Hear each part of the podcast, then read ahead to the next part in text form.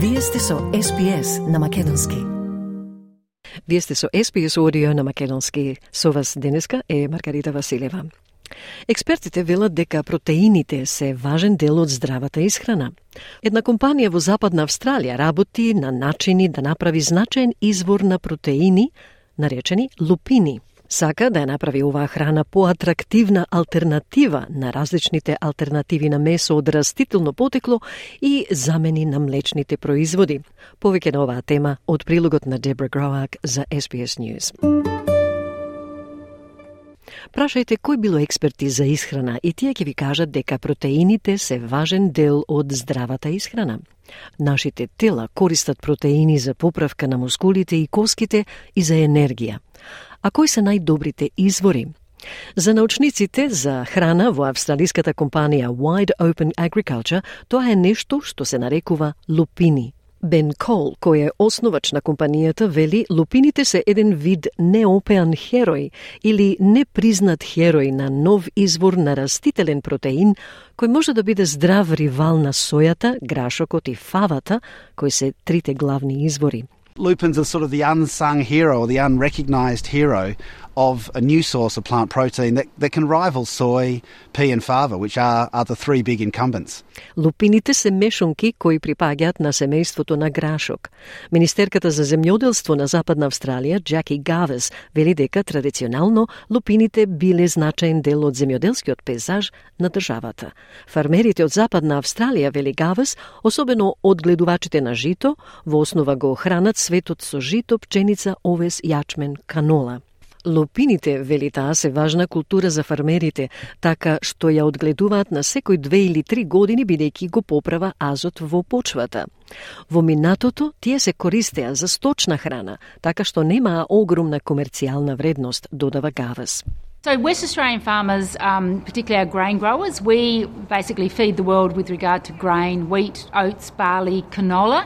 Lupins are a really important break crop for farmers, so they might grow it every two or three years because it fixes nitrogen to the soil. In the past, they've been used for stock feed, so they haven't actually had a, a, a huge commercial value. So, whilst they're really important for our farming systems, actually being able to extract that protein and turn it into a plant based protein has huge opportunities for Western Australia. Тоа е она што компаниите како WOA се надеваат дека ќе го подобрат.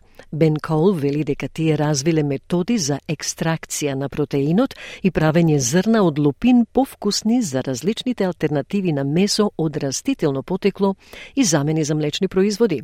Тој вели дека лупинот е одличен извор на растителни протеини за оние кои следат вегетаријанска исхрана. Сега е времето за лупини, за која технологијата произлезе од 30 годишен истражувачки проект, кој на вистина ја идентификуваше способноста да се расплетува протеинот лупин и да се направи повеќе разноврсна за целата палета на прехрамбени производи, изјави Бен Кол. Why now is the time for lupin is really the technology has arisen um, out of a 30-year research project that really identified the ability to unfold the lupin protein and make it more versatile versatile for a whole range of food products.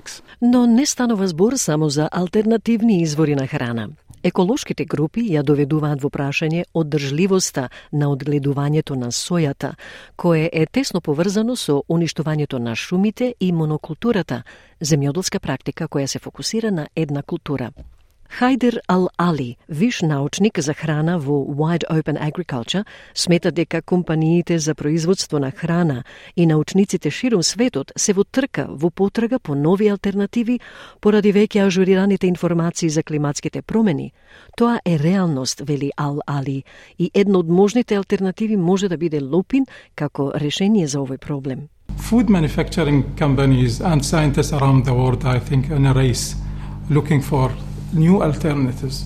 Because due to the already updated actual information about climate change it is happening it is a real thing.